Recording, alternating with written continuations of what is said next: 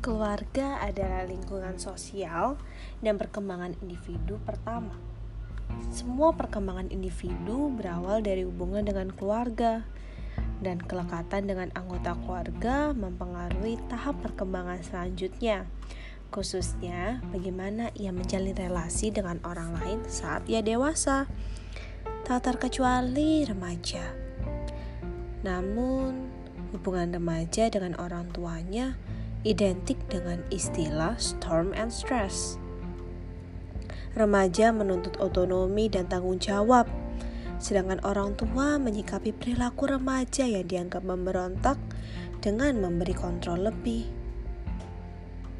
Ada dua tipe pengasuhan menurut Ruth Chow, yaitu neglectful parenting dan indulgent parenting. Neglectful parenting adalah orang tua yang sangat tidak terlibat dalam kehidupan anak. Sedangkan indulgent parenting adalah orang tua yang sangat terlibat dalam kehidupan anak, namun tidak banyak memberikan tuntutan atau kontrol pada anak. Namun ternyata Sandrock mengungkapkan praktek pengasuhan anak Asia dapat dikandalkan cenderung otoritarian karena orang tua mengerahkan cukup banyak kontrol pada kehidupan anak.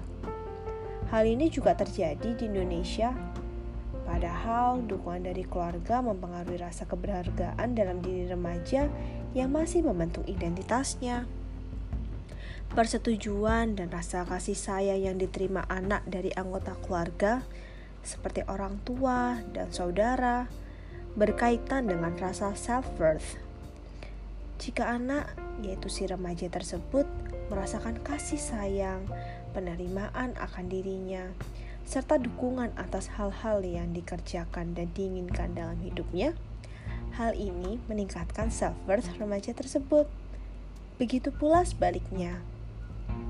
Remaja yang terlibat dalam pergaulan bebas dan relasi yang toksik bisa jadi karena dukungan dari orang tua yang kurang dirasakan. Adakah teman-teman di sini yang merasa demikian? Remaja yang tidak dapat memenuhi harapan orang tua karena adanya perbedaan idealisme menyebabkan ia hanya mengikuti perintah orang tua saja tanpa adanya independensi dalam mengambil keputusan. Hal ini membuat dirinya tidak berharga dalam mengambil keputusan atas kehidupannya. Padahal yang akan menjalankan kehidupannya sampai akhir adalah dirinya, bukan orang tuanya bukan saudaranya. Dukungan orang tua juga mempengaruhi prestasi akademik remaja. Kaplan Toren mengungkapkan korelasi positif antara keterlibatan orang tua dalam akademik remaja pada pencapaian akademik serta self-worth pada diri remaja tersebut. Remaja yang mendapatkan dukungan dan perhatian dari orang tua pada aspek akademiknya cenderung memiliki nilai-nilai sekolah yang baik loh. Hal ini menunjukkan pentingnya dukungan keluarga untuk meningkatkan self-worth dalam diri remaja. Namun, akan lebih baik jika remaja lebih fokus pada mengubah diri sendiri, yaitu faktor internal, daripada merubah keluarganya yang merupakan faktor eksternal. Hal-hal yang merupakan faktor internal seperti motivasi dan pola pikir tentu berdampak dalam jangka waktu yang lebih lama dibandingkan faktor eksternal. Faktor internal juga merupakan sesuatu yang dapat diubah dan dikendalikan oleh diri individu. Sehingga penting untuk fokus pada perubahan faktor ini.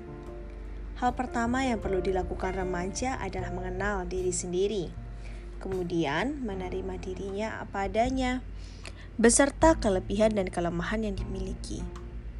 Hal selanjutnya yang dapat dilakukan adalah mengasihi diri sendiri serta mengenali bahwa dirinya berharga tanpa harus membuat orang lain selalu bahagia.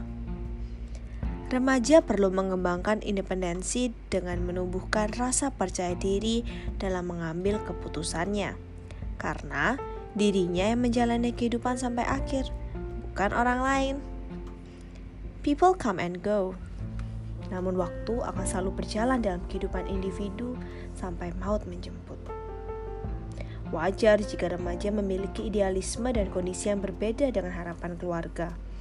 dan wajar jika remaja memiliki rasa tidak nyaman saat dituntut oleh keluarganya. Ia perlu mengkomunikasikan perbedaan tersebut serta mengambil keputusan yang menurutnya terbaik bagi kehidupannya, bukan sekedar mengikuti keinginan keluarga. Mereka pun perlu mengenal diri remaja agar dapat memerlukan si remaja sesuai dengan kondisi yang dimilikinya. Demikian podcast untuk hari ini. Semoga bermanfaat dan sampai jumpa di podcast kami selanjutnya. Remember, you are worth it.